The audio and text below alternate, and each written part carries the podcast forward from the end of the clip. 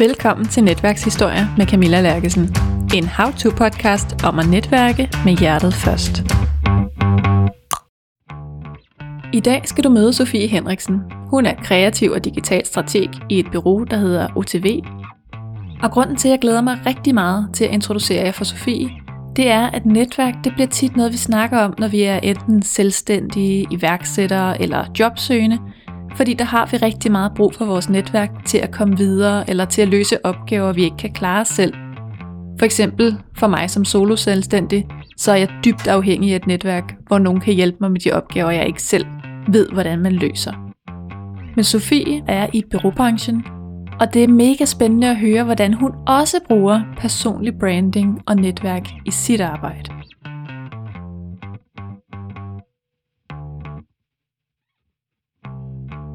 Jeg er blevet så, har brugt så meget tid på virkelig at dyrke denne her, det her personlige brand, og blevet ret bevidst om, at hvis det er det her, jeg vil med min karriere, jamen øh, så kræver det, at jeg, jeg, jeg tør, og jeg kan række ud, og jeg tør at dyrke mit personlige brand, have en mening, og ikke er bange for at sige, hey, jeg kan noget herover. Øhm, vil I ikke, øhm, kan I ikke bruge mig? Så det har jeg brugt rigtig, rigtig lang tid på at indøve, og i, i situationer til samtaler og sådan noget. Øhm, så er det stadigvæk en person, jeg tager på. Man kan sige, at jeg er 100% mig selv, men jeg har også mit øh, mit, mit sådan inderste Sofie jeg, som er typen, der lader op, når jeg er alene og ikke er sammen med andre mennesker. Og så har jeg mit, mit arbejds, mit professionelle jeg, som heldigvis er indøvet så meget og dyrket så meget, at det, det virker så naturligt nu, og også falder mig selv naturligt. Men det er stadigvæk sådan, at når jeg går til de her kaffesamtaler, online eller fysisk, så det er stadigvæk noget, jeg skal mande mig op til. Det er stadigvæk noget, jeg skal, øh, for at være helt ærlig, jeg kan glæde mig til det, kvæg det, vi skal snakke om. Men jeg glæder mig faktisk, det er sjældent, jeg lige glæder mig til situationen, øh, når det er op over, fordi det er hårdt for mig. Ja, som du kan høre, så har vi med endnu en introvert profil at gøre. Og det er jo fordi, jeg elsker at nørde introverte profiltyper. Så øh, til alle jer ekstroverte, der sidder derude og øh, savner nogle ekstroverte gæster, I må simpelthen bare komme med nogle forslag, så skal jeg prøve at tage fat i dem. Men det hele handler ikke om profiltyper her, så rigtig god fornøjelse. Der er masser at lære i dagens afsnit. Velkommen til Netværkshistorier, Sofie Henriksen. Jo tak. Tak fordi du må være med. Og jeg kan jo lige starte med, jeg synes det er meget sjovt i den her podcast lige at præsentere folk, øh, lige præsentere, hvor jeg kender folk fra. Og i det her tilfælde, der går vi faktisk så langt tilbage, jeg kan dårligt huske det. Men jeg mener, at jeg skrev en artikel til Talentguiden, der var sådan en online magasin dengang, om øh, din profil, og om det her med at være generalist versus at være specialist. Ja, det kan godt passe. Det kan jeg godt huske. Jeg kan også huske, at vi havde en snak på en café i Kødbyen øh, på et tidspunkt dengang, man måtte det. Øhm, og det var også ved at være lang tid siden. Og det var også, hvor vi var omkring nogle af de her emner. Så det er fedt at se, at, øh, at du har driblet videre med den agenda. Ja, det er faktisk efterhånden mange år siden, ja. at vi mødtes der. Ja. Til et interview til Bevidst Introvert, og hvor der var så meget larm på den her café, at jeg simpelthen aldrig kunne høre det, jeg skulle transkribere til artiklen. Ja, det er rigtigt, det var sådan, det var. Der var ja. lige livlig nok i Kødbyen. Ja. Og fedt, det kan lade sig gøre nu. Jeg har glædet mig. Ja, også mig.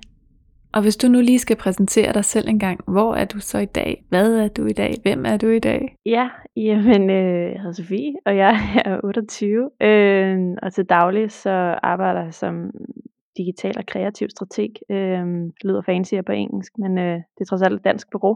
Noget, der hedder OTV, som, øh, som er ejet alder. Vi sidder ude på Havneholmen. Øh, så sidder der som jeg er strategisk ansvarlig for mange af vores digitale og kreative projekter, og arbejder meget på tværs af vores, øh, vores afdelinger, øh, og har også ansvar for ligesom at få kunderne godt i mål, øh, og sikre, at vi er on point i forhold til opgaven. Så det er sådan en sjov, bred rolle, øh, som jo også er noget af det, vi skal vi skal komme ind på, tænker jeg, øh, hvordan man navigerer rundt i at have en lidt, lidt bred rolle øh, og bred profil.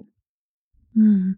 Og det tænker jeg, det kan jo godt være lidt en udfordring i forhold til, at du altid får at vide, at du skal finde din niche, du skal finde ud af, hvad du er god til, du skal have sådan en meget specifikt personligt brand. Mm.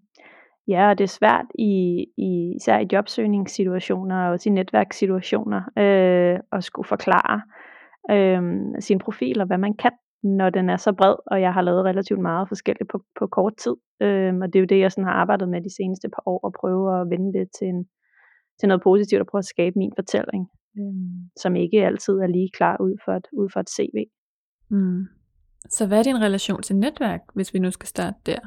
Åh, jamen, jeg vil jo sådan set gå så langt som at påstå, at netværk lidt har skabt min karriere mere eller mindre. Øhm, jeg synes jo, der er noget sjovt i, i det her med netværk om, at det jo ofte er, øh, når vi skaber netværket, er det jo ofte ikke der, altså indsats og gevinst øh, falder ikke på samme tid. Øh, de stærkeste eksempler, jeg har for at øh, få noget ud af mit netværk, jamen det er eksempler, hvor jeg, jeg i den, det sekund, jeg mødte den person, eller snakkede dem, med den person, øh, fik mulighed for at indgå en relation, ikke i mit liv havde forestillet mig, at det så to eller tre år siden skulle vise sig, at de banede vej for et nyt job, eller øh, min, min vej ind i en netværksgruppe. Så jeg synes, der er noget sjovt, når vi snakker om netværk omkring det her med, at det er en, det er en løbende proces, og det er noget, man skal dyrke, øh, og så skal man være velvidende om, at gevinsten, øh, hvis man selv også, man kan sige, giver igen, den kommer på et senere tidspunkt, og man kan ikke altid lige planlægge, hvornår. Øhm, og det er det, jeg synes, der er sjovt ved netværk, er, at det er ikke bare, man kan sige, netværksgrupper. Øhm, det er en, et mindset for mig, og en måde at dyrke sig selv og sit brand og sine relationer på, øhm, og sætte pris på dem. Mm. Hvornår begyndte du at netværke? Jamen det tror jeg, jeg gjorde i en ret tidlig alder, allerede der øhm, de, det seneste år på min bachelor på CBS, hvor at, det er ikke nogen hemmelighed, at det, det får vi ret ofte at vide inde på CBS, at det her med netværke og mulighed for studiejob og så videre, det er ret essentielt, hvis man skal klare sig. Øhm, så det noget af det første, jeg gjorde, var jo at tilmelde mig til diverse case competitions, der nogle gange var, og jeg tror det samme med, med talentguiden, egentlig også at være rimelig aggressiv i at sige, jeg har en historie, jeg har noget, jeg godt vil fortælle, øh, og så samtidig have en lidt ydmyg tilgang til det, og sige, jeg vil godt blive klogere, jeg vil godt ud og, og møde den virkelige verden, øh, og så egentlig bare gribe de muligheder, der opstod. Så det gjorde jeg en rimelig tidlig alder, faktisk, i min karriere, ja. Mm.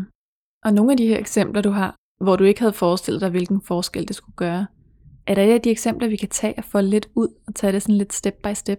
Jeg kan jo godt lide at splitte dem lidt ad og gøre det gennemsigtigt. Ja, det er klart. Øhm, jamen altså, jeg har jo sådan set rigtig mange eksempler, og jeg overdrev virkelig ikke, da jeg sagde, at min, øh, min, min karriere, der hvor jeg er i dag, øh, både i forhold til job, men også sådan personligt, øh, personligt brand, er skabt gennem netværk. Øhm, men, så jeg har jo lidt to forskellige eksempler, som kan noget forskelligt, men man kan sige, at mit, mit nuværende job, det kom egentlig af, at jeg havde en, øh, havde en god ven, som jeg havde snakket med for ja, det var måske to år siden, så vidt jeg husker. Øhm, og det var i forbindelse med på daværende tidspunkt et studiejob øh, i den virksomhed, hvor han var ansat, hvor jeg egentlig, de søgte en studiemedarbejder og skrev, øhm, og kom ind til en samtale med ham, og fik lidt en besked om, at øhm, han kunne tydeligt se mit, mit talent, men, øhm, men timing var bare ikke lige rigtig. Øhm, og i sådan en situation, så er der jo noget formalitet, der også går ind over, og hvad helt præcis outcomeet var, hvorfor jeg ikke fik den stilling. Det tror jeg aldrig rigtig, jeg har fået svar på, men om alt andet er, så øh, blev han ligesom med med at følge, følge mig, øh, og vi holdt kontakten via LinkedIn, øh, og ligesom tjekket ind en gang imellem, og, og han har åbenbart synes det var, var spændende at følge med i, hvad jeg lavede, og hoppede frem og tilbage, og sige tak med, at jeg blev mere aktiv på LinkedIn i form af vidensdeling. Øh, og så da jeg stod i ja, de her to år senere, i, øh, så var det faktisk sådan, at vi, vi drak en kop kaffe, kan jeg huske, på mit forrige job. Øhm, og så få måneder efter, hvor det var ligesom lang tid siden, jeg havde set ham, det var lang tid siden, jeg havde snakket med ham. Øhm, og der havde jeg ikke regnet med, at det skulle føre til, at han skulle hjælpe mig ind i mit næste job. Øhm, men så var tilfældet sådan, at jeg stod et par måneder senere og, og søgte, og så greb jeg telefonen og ringede til ham. Øhm, og så viste det sig, at det bureau, han, øh, han var i, der hvor jeg er nu, øh, havde brug for en, en profil øh, som mig. Så der var ikke nogen stilling. Øh, der var et, et, et behov, ikke et klart og tydeligt behov, et behov, som vi ligesom fandt ud af sammen. Øh, så det synes jeg var et godt eksempel på, hvor at man kan sige, jeg ikke havde forestillet mig, at den relation, øh, den skulle bære frugt nu og her. Øh, men at, at, at han samtidig, selvom han jo havde langt mere anciennitet og var oppe i alderen end mig, og hvor man nogle gange som relativt ung kan tænke, Øh, hvad skal de bruge sådan en som mig til? Jeg kan jo ikke hjælpe dem på vej på nogen måde. Men i det her tilfælde, så viste det så, at de havde brug for en profil, der også kunne være med til at, at rykke på tingene og bringe nyt perspektiv øh, ind i det. Og så på den måde, så kunne det jo være en gevinst for ham også, at øh, han kunne bringe mig ind i, i bureauet. Øhm, og så faldt det ligesom på plads. Og så kan man sige, når man når man søger, når man får nyt job gennem, gennem netværk, så er der jo en nat- naturlig sådan, autoritet, der træder i kraft i, at det er klart, at hans kollegaer er jo stolet på, at når han anbefalede mig, jamen så har man ligesom et fundament for at sige, så har du ligesom et springbræt rent fagligt, øh, at du har en, der, øh, der ligesom skriver under på, at, at, at du er den rigtige profil, og du kan løfte opgaven, fordi ellers så er det jo deres egen røv, der står i klaskehøjde, skulle jeg til at sige. Mm. Og det er vel både en fordel og en ulempe, kan man sige. Det er en fordel på den måde, at du er foran på point, når du starter, fordi der allerede er en etableret tillid. Mm. Men er der ikke også et pres? Jo, det kan der, og jeg synes især, man kan sige ikke så meget indgangen, fordi han, han, han banede vejen, og så var det jo, så havde jeg en masse snakke med nogle forskellige mennesker derinde, og så videre, så, så fundamentet for at sikre, at jeg var den rigtige til at udfylde den rolle, som vi jo så definerede sammen, det, det var fint nok. Øhm, så jeg vil sige, det var ikke så meget, selvfølgelig øh, hvis, hvis jeg havde fejlet fuldstændig, ville han nok også lige få at vide, hvad, hvem er det, du har lukket med ind i bureauet, men jeg tror for mig har det mere været det her med, øhm, som jeg har gjort nogle gange, at skulle skabe sin egen rolle. Øhm, og når, du ikke, når der ikke er en klar jobbeskrivelse, og du kommer ind, så kan man sige, det her med, som jeg synes også er en del, vigtig del af det, rent faktisk at kunne netværke internt. Så hvis vi snakker netværk sådan lidt bredere, øhm, så også skulle kunne skabe en relation til sine kollegaer, og kunne øh, Øh, bygge den tillid og troværdighed, der gør, at de forstår, hvem man er, hvem man kan, og har tiltro til, øh, at man kan løfte de opgaver, man nogle gange bliver sat til. Og i min nuværende stilling indledningsvis, der, øh, der var det også min opgave selv at, at finde mulighederne og søge opgaverne, fordi der ikke var en profil som mig. Øh, så jeg kunne ligesom bruge ham som en, som en form for støttepædagog, men der var et ret stort opgave i rent faktisk at skabe bruge mine netværksevner øh, til sådan rent interpersonelt og skabe en, en relation med, øh, med mine nye kollegaer. Mm.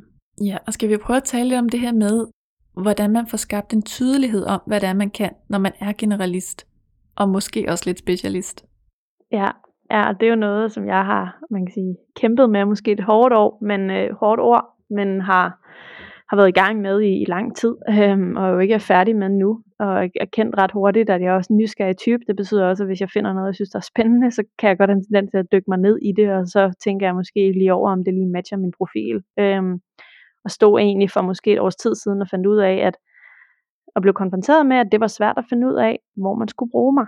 Fordi at mit CV, for at være ærlig, stak i lidt forskellige retninger, og man kunne måske godt se, at jeg kunne noget, men det er rigtig svært, når man sidder i en arbejdstager eller en arbejdsgiversituation, så har du brug for at have en eller anden form for tillid til, at den her person kan komme ind og løfte forretningen. Øhm, og selvom du kan se talentet, så kan det være svært at placere personen, hvis man ikke har en, en klar profil. Øhm, og ja, det var også derfor, at mange af de, som, som vi lige fik sagt her over for mig igen, vi startede, jeg har aldrig fået et job via en ansøgning. Jeg har skrevet ansøgninger, men men jeg har aldrig fået et job via en. Det er simpelthen kommet igennem netværk alt sammen. Og det er jo, så man kan sige, når man har en, en bred profil, jamen så, og hvis man vil dyrke den, så skal man finde ud af, hvad ens historie er. Øhm, fordi det betyder, hvis man tager det valg ikke at være specialiseret eller 100% klar og have en relativt bred profil, øhm, så vil det betyde, det gør det i hvert fald for mig, at jeg på papiret, det vil sige via at skrive ansøgninger, stod svagere, fordi jeg ikke havde en klar profil. Øhm, og der skal man ligesom slippe igennem nåleret til en samtale, og hvis ens CV er sådan lidt svært at gennemskue, så kommer man ikke med til den samtale. Så jeg tror også, jeg indså relativt hurtigt min vej, i den her, hvis jeg ville fortsætte med at dyrke den her øh, tværfaglige profil, jeg nogle gange har, det var at skabe historien omkring den, altså simpelthen fortælle, hvad er det, jeg kan, hvad er min fortælling, hvad er mine kompetencer, hvordan spiller de sammen, holde det op imod det behov, jeg så i markedet, øhm, og så simpelthen gå ud med den historie og så på den måde selv prøve at skabe mine muligheder og skabe mine stillinger. Den beslutning tog jeg ligesom der for, for en to år, halvanden siden, da jeg fandt ud af, at, øh, at jeg ikke var helt nem at placere. Øhm, og det er jo ligesom, så det skal man jo opveje med sig selv, om man kan det, fordi det stiller også krav til, at man så, øh, man kan sige, sætter sig i selen for at dyrke det her netværk, og øver sig, og finder ud af, hvordan man gør, hvordan man bruger det, og tør som jeg også ved, der er mange, der stadigvæk har det svært ved, at række ud til folk, man ikke kender, og sige, hey, øh, jeg synes, I er fede, jeg kan det her og det her, kunne I måske bruge mig, eller har, I lyst til, har du lyst til at drikke en kop kaffe? Øhm, så det stiller nogle krav til en, hvis man vil dyrke sin tvær, tværfaglige profil, helt sikkert. Ja, jeg kan ikke lade være med at sidde og komme til at tænke på det her Henry Ford citat, Og han sagde, hvis jeg havde spurgt folk, hvad de ville have, så havde de sagt en hurtigere hest. Ja. Og jeg ser bare lidt det samme her, ikke? at folk, der sidder og ansætter, de siger, jeg skal have en, der er god til for eksempel Facebook-marketing. Mm. Og så kommer du der og kan alt muligt bredere, og er ikke den møtrik, der passer ind i maskineriet. Nej. Men du kan så måske lave innovation på et helt nyt niveau, fordi du, har, du passer mange steder ind i maskineriet. Ja, det, det, er, det er ret sjovt, fordi som mennesker, sådan rent adfærdsmæssigt, psykologisk, så har vi jo lidt svært ved, når, når ting ikke passer ind i de kasser, vi ligesom har lavet for os selv. Så langt de fleste virksomheder snakker om innovation, og jeg oplever også, at den her tværfaglighed at kunne nedbryde siloer, og hvilken formulering det nu, hvilken kontekst det placeres i. Men derfra til at kunne ture og tage chancen med en profil som mig, der kan være lang vej, fordi som du siger, det kan være svært rent mentalt at se en til en, hvordan den person skal kunne skabe værdi i ens forretning, når, man, når når det ikke passer ind i nogle af de kasser, man allerede har på hylderne, og man skal til at, at forme en ny. Ikke? Øhm, det, øhm, det oplever jeg stadigvæk, men man kan også sige, at dem jeg har snakket med, som har været åbne over for det, og indledningsvis synes, jeg har en spændende profil, jamen der sker også noget rigtig, rigtig interessant i, at man faktisk er med til at forme rollerne. Øhm, og man kan sige, i den branche, jeg er i, kommunikation, marketing, øh, reklame generelt, især med det digitale foretegn, der sker jo sindssygt meget. Og vi har jo selv set, altså inden for de seneste år, at et hav af nye titler, de seneste par år i forhold til teknologisk udvikling og sådan noget, der sker rigtig meget. Og der er jo hele tiden nye behov, der skal fyldes ud, og så skaber man nye roller.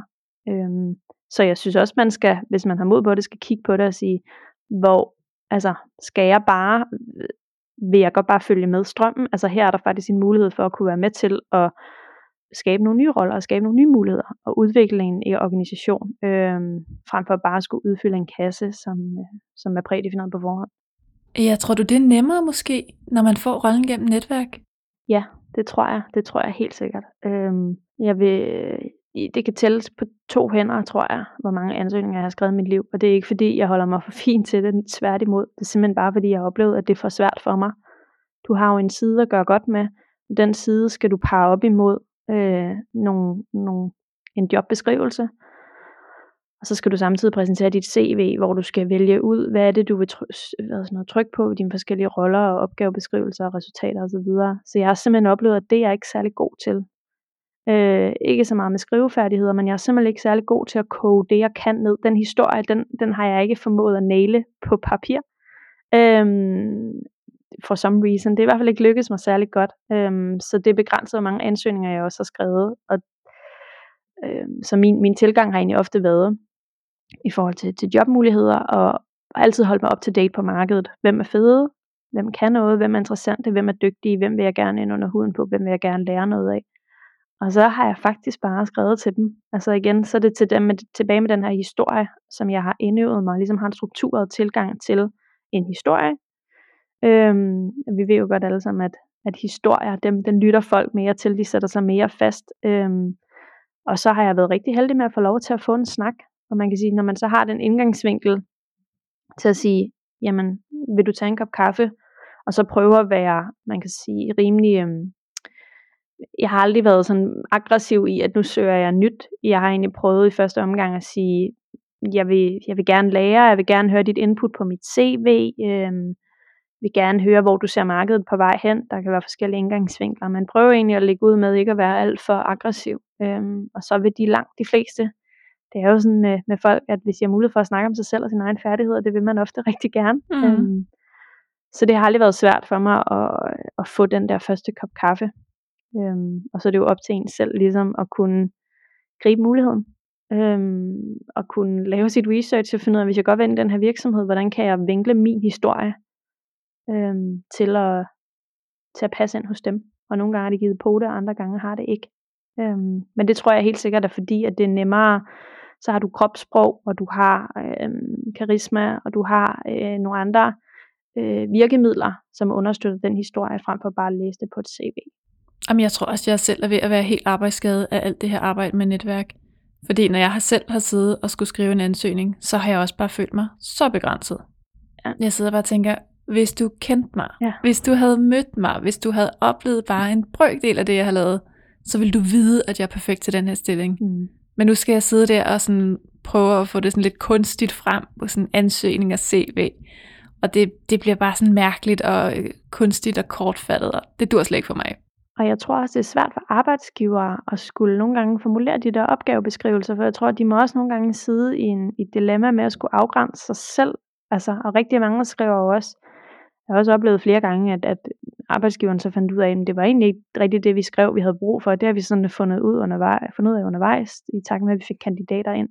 Så jeg tror også, det er svært for en arbejdsgiver øhm, at skulle have den der, også i takt med, at vores arbejdsliv og vores professionelle liv bliver meget mere flydende, og, øhm, og opgaverne ændrer sig hele tiden. Altså den her femårige strategi, den er jo efterhånden kottet ned til seks måneder, ikke? Mm. Så det her med hele tiden at skulle være klar i spyttet omkring, hvad er det for en profil og kompetencer, man har brug for, om det kan ændre sig fra dag til dag. Øhm, så det, og jeg, jeg vil også sige, jeg synes også, jeg ser stigende tiltag til på LinkedIn, at folk egentlig skriver ud og siger, jeg vil egentlig ikke have en ansøgning øh, som sådan. Jeg vil gerne, det er det her, vi søger, øh, helt kort. Kan I ikke tagge eller række ud, hvis I har nogle profiler? Øhm, så simpelthen prøve at springe det der led af med at skulle lave en jobbeskrivelse, der er alt for specifik fra start af, fordi de simpelthen er bange for at afskærme nogle potentielt øh, gode kandidater. Ikke? Mm. Øhm. Jeg tænker også, det må være enormt svært, når man rekrutterer og få et godt indtryk af kandidaterne. Mm. Det må være enormt udfordrende, når ingen af parterne kender hinanden på forhånd. Ja, fordi processen stadigvæk er sådan, som den har været morlæst de sidste 10-20 år, ikke? med at man sender en ansøgning, og så er der ofte en første snak, og så er der en anden snak, og så er der måske en test og en case. Altså, det bliver meget øhm, sådan stringent sat op.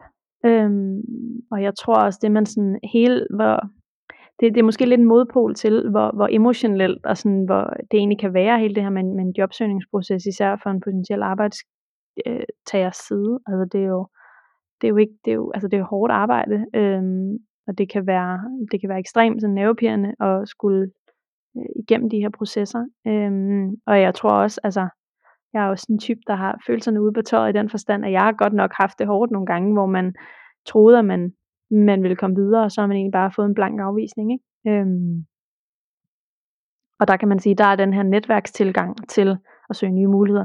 Den er lidt mere øh, gavmild mod sindet, skulle jeg til at sige, fordi du rækker selv ud. Øhm, der er ikke nogen, der har bedt om dig.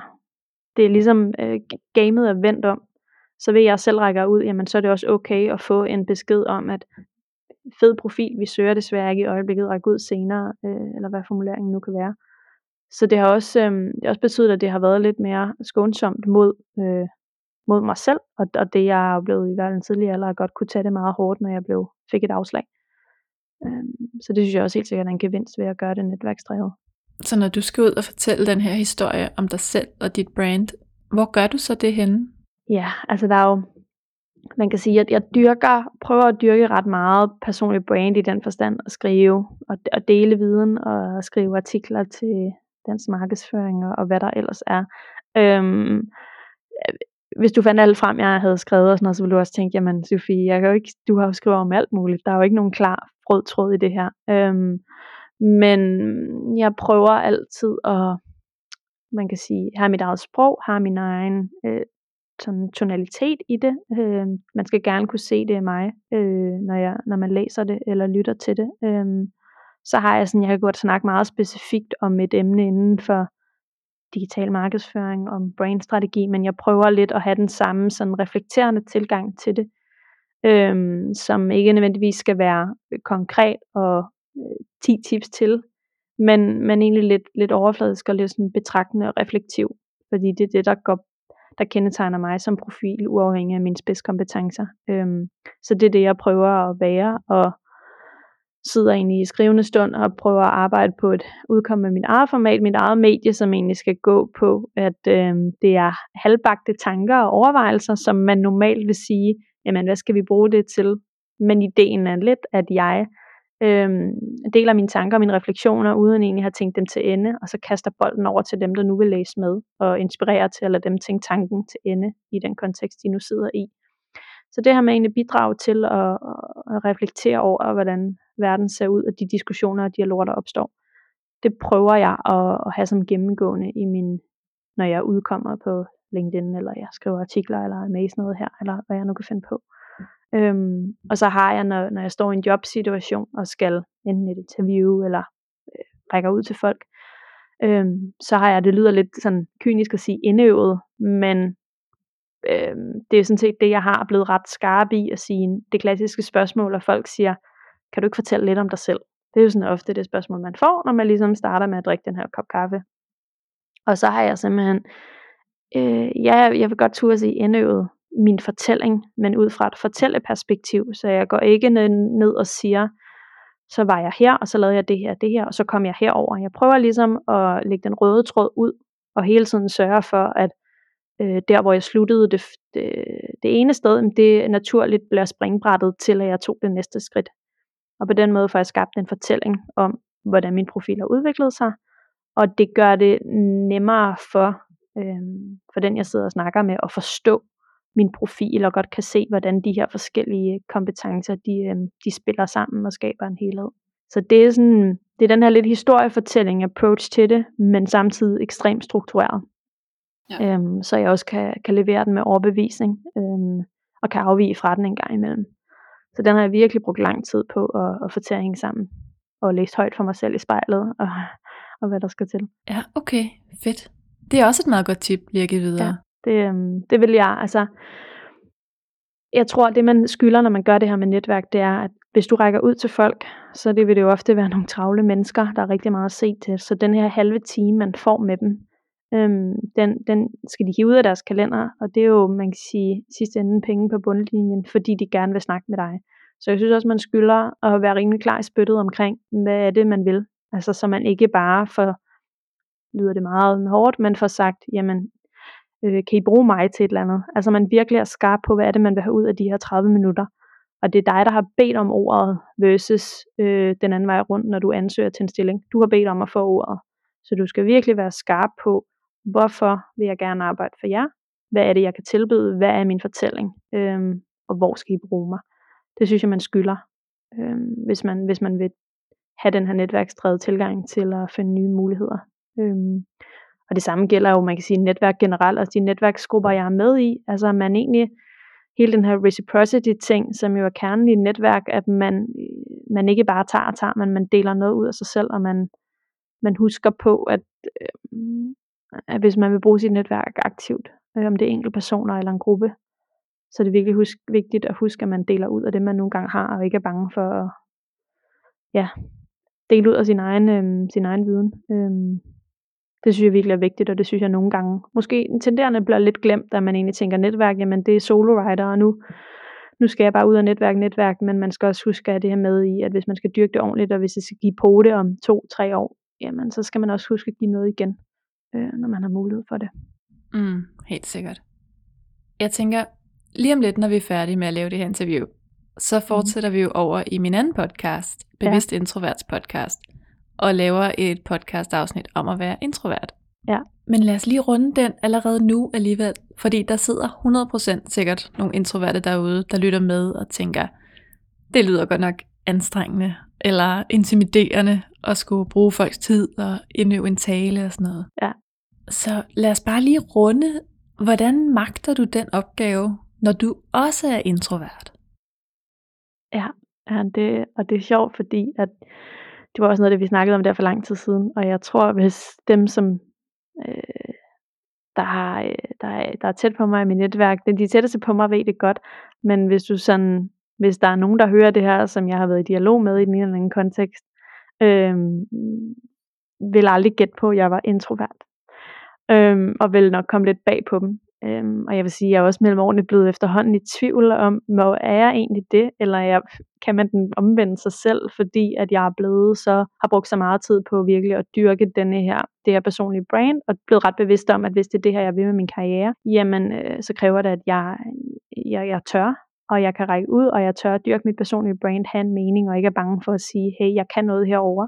Øhm, vil I ikke, øhm, kan I ikke bruge mig? Så det har jeg brugt rigtig, rigtig lang tid på at indøve, og i, i situationer til samtaler og sådan noget. Øhm, så er det stadigvæk en person, jeg tager på. Man kan sige, at jeg er 100% mig selv, men jeg har også mit, øh, mit, mit sådan inderste Sofie jeg, som er typen, der lader op, når jeg er alene og ikke er sammen med andre mennesker. Og så har jeg mit, mit arbejds, mit professionelle jeg, som heldigvis er indøvet så meget og dyrket så meget, at det, det virker så naturligt nu, og også falder mig selv naturligt. Men det er stadigvæk sådan, at når jeg går til de her kaffesamtaler, online eller fysisk, så det er stadigvæk noget, jeg skal mande mig op til.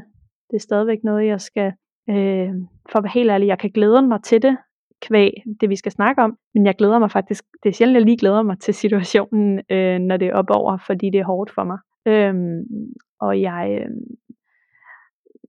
jeg skulle træne mig selv til at, øh, at lade det falde mere naturligt. Øhm, og det er også tilbage med den her med, at, at egentlig have det indøvet og have det ret struktureret, og jeg tror måske, at det er det, der kan være fordelen i at være i den branche, jeg er i, som er meget ekstrovert, og der er spidse albuer, og man der er kamp om pladserne i forhold til at blive hørt og set. Øhm, men det har været en, en jeg, vil, ja, jeg våger påstå, at det kan være en fordel for mig, fordi jeg ret hurtigt fandt ud af, det her, det falder mig ikke naturligt. Det ikke, falder mig ikke 100% naturligt øhm, at snakke med nye mennesker og møde nye mennesker. Det er noget, jeg skal øve, det er noget, jeg skal træne, det er noget, jeg skal sætte mig op til. Og i bevidstheden omkring det, så gjorde det, at jeg har været meget mere fokuseret på at gøre det ordentligt. Altså tilbage til det her med ligesom at have den her fortælling og være skarp på, hvad er det, jeg vil med dig, når jeg rækker ud til dig så er jeg blevet tvunget til at øve det. Det betyder også, at jeg er meget mere bevidst omkring det. Øhm, så jeg vil sige, det øvelse, øvelse og øvelse. Og hold kæft, for skal det også, det kan være angstprovokerende nogle gange, og det kan det stadigvæk for mig, hvis det er nogle, øh, nogle, øh, nogle ret sådan store, skarpe profiler. Øhm, men, men, men øvelse. Øhm, og så, ja, så tror jeg, jeg har haft sådan en meget, når det går galt, jamen, øh, ikke at det går galt, men man prøver at have lidt, hvad er det værste, der kan ske scenarie i det, ikke? Øhm, i forhold til at skulle kunne præsentere sig selv, og nogle gange kan klappe ned, og, men, men så finder man en vej ud af det. Så jeg tror, det her med at øve sig og være bevidst omkring sin fortælling, øhm, er det, der har fået mig til, at det efterhånden er blevet lidt mere naturligt for mig. Ja, og hvad gjorde du i starten? Man kan sige, nu er du rimelig trænet, og allerede nu falder det der nok væsentligt mere naturligt. Mm. Men der i den spæde begyndelse, hvor det virkelig var scary, eller mærkeligt, eller uvendt i hvert fald. Ja.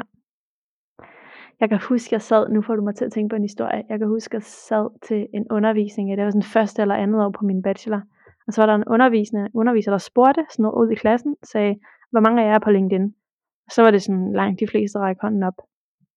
Og så ved jeg ikke, hvad konteksten var, hvor han spurgte om det, men så var det sådan, hvor mange af jer har 100 connections, hvor mange har 200, hvor mange har... Og så var der en fyr, der sådan, jamen jeg har 1200, og han var 19 eller 20 år gammel, og så blev han ligesom spurgt ind til, Nå, hvad bruger du dem til, og hvad dyrker det til, og så gik det jo, så rendte han jo bare rundt og connected med, med alle mulige, øhm, men jeg kan bare huske, at jeg fik den følelse af, at jeg var bagud, altså jeg blev ekstremt stresset af at sige, okay, men er det det, jeg vidste jo ikke noget om, hvordan man gjorde, er det det, jeg skal gøre, skal jeg bare gå ud og connecte med alle mulige, øhm, og så snakkede jeg, jeg havde en del snakket med min far faktisk, som er stik modsat mig, og lever af at drive, have lavet virksomhed på at kunne netværke mere eller mindre. Øhm, om egentlig at prøve at øhm, ja, bare være nysgerrig og gribe de muligheder, der var for at møde folk. Øhm, og igen, det var mega angstprovokerende, men man skal bare over det. Så meget af det, jeg gjorde i starten, det var egentlig at være med i de muligheder. Når man studerer, så er der jo ofte diverse former for konkurrencer og ja, case competition, så ting, man kan, man kan melde sig til og foredrage og konferencer. Øhm, og så prøve at melde mig til det. Og så var det en måde at møde nye mennesker på, samtidig med at jeg tilegnede mig viden. Øhm, og så øvede jeg mig i at snakke med medstuderende i første omgang.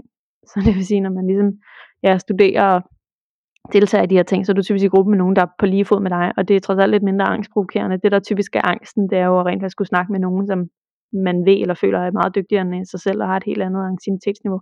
Så øvede jeg mig i det.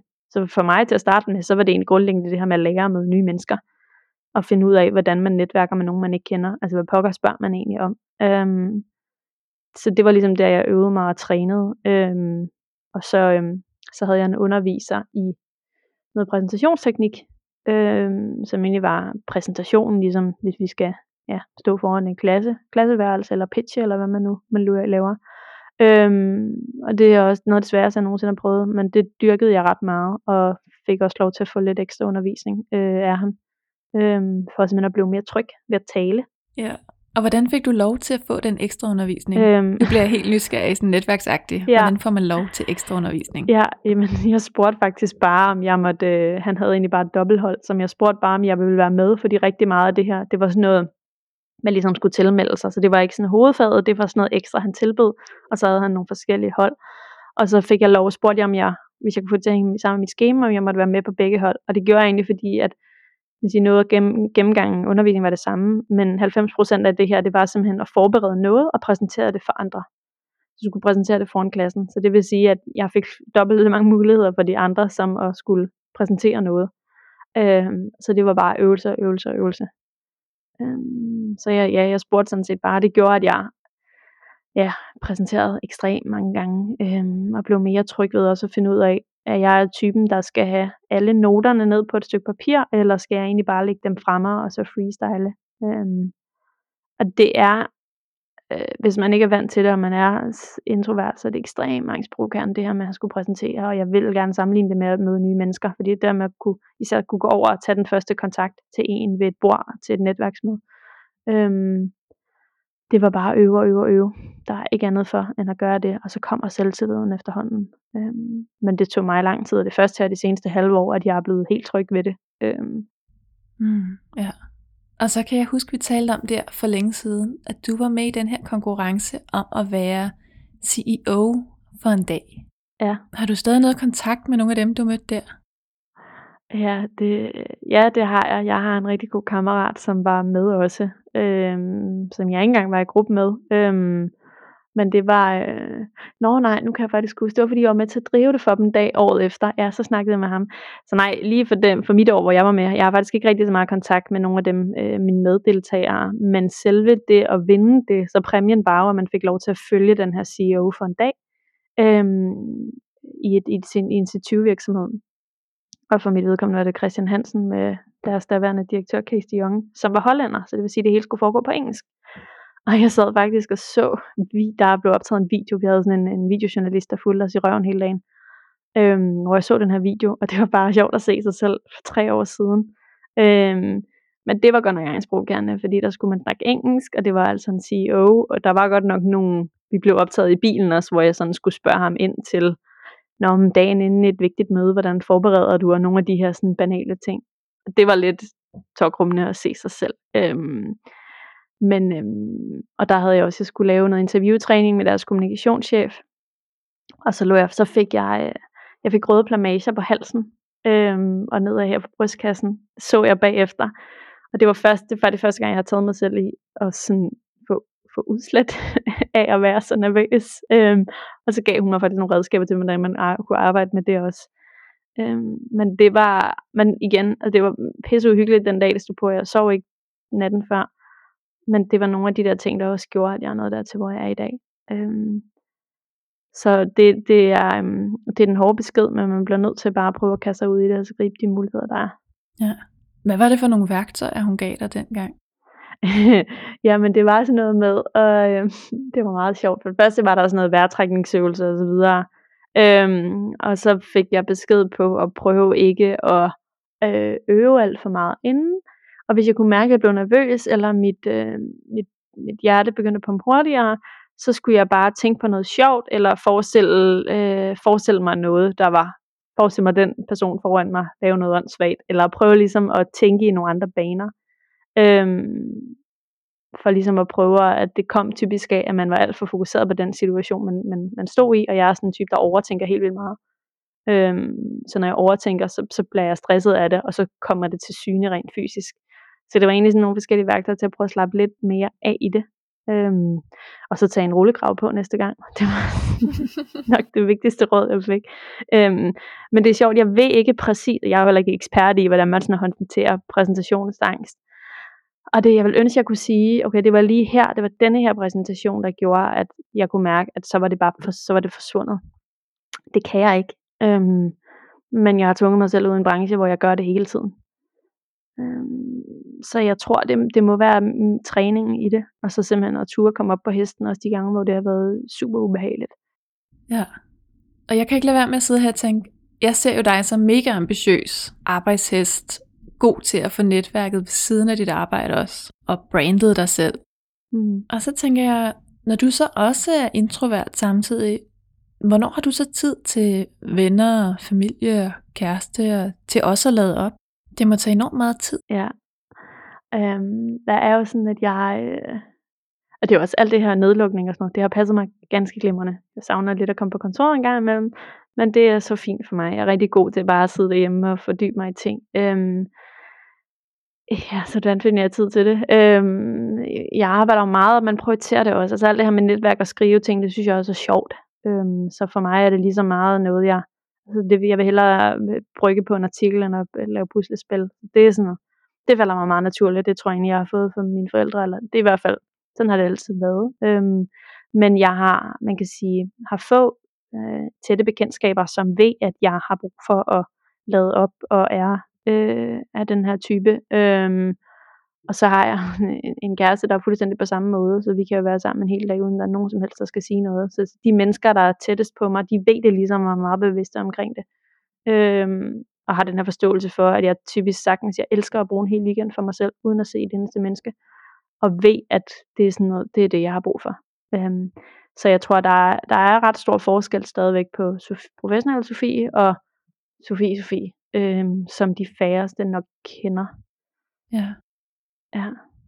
Og hvis du nu her til sidst skulle give et netværkstip videre, jeg tror, vi har været inde på mange, Ja. men hvis du nu selv skulle have lov at vælge et tip at give videre, Åh ja, ja, det er et godt spørgsmål. Altså jeg synes, at til at starte med, og det er ikke et tip, men så kommer vi til det, det er at være bevidst omkring, at netværk øh, og vil dyrke det, det er en, en langsigtet strategi i den forstand, at det du gør nu og her, om du rækker ud til en og vil drikke en kop kaffe, øh, fordi du synes, de er interessante og har noget at sige, eller du øh, har læst noget for en, og bare gerne vil sige, hey, jeg synes, det her er fedt skrevet, øh, eller du deltager. Nu er det selvfølgelig lidt sværere nu, men, men jeg er sikker på, at der også er nogle, nogle virtuelle øh, måder at dyrke det på.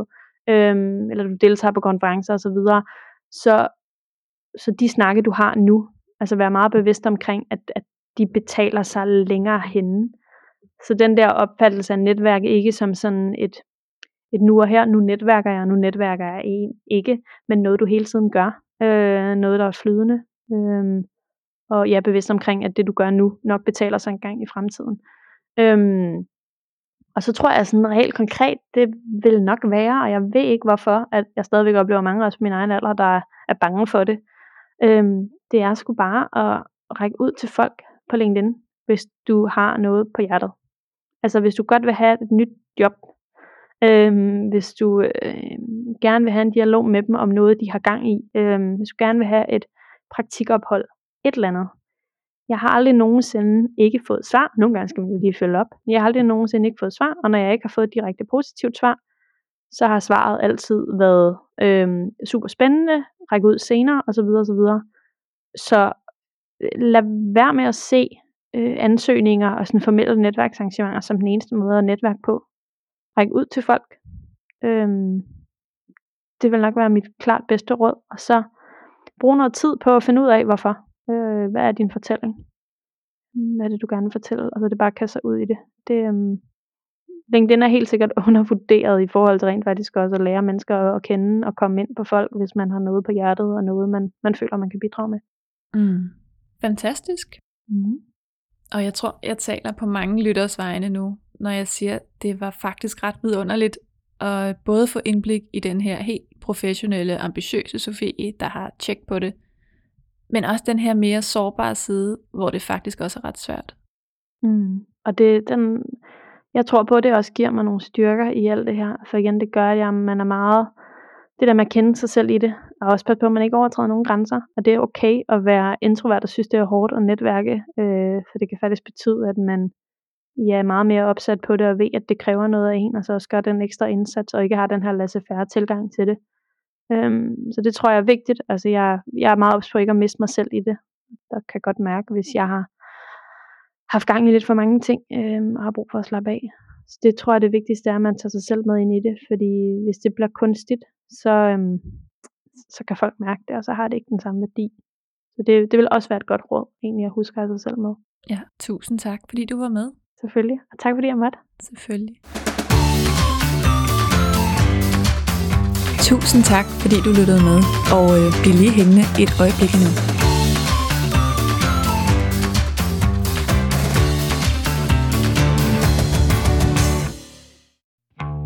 I næste uge, der taler vi om mere netværk, som ikke handler om jobsøgende eller iværksættere. Der skal det tværtimod handle om det offentlige. Vi skal på besøg i ungdomsskoleverdenen, fordi der foregår også rigtig meget fantastisk networking. Jeg arbejder selv på deltid i Drage Ungdomsskole, og jeg har fået lov at interviewe min chef, blandt andet. Så jeg glæder mig rigtig meget til næste afsnit. Vi lyttes ved.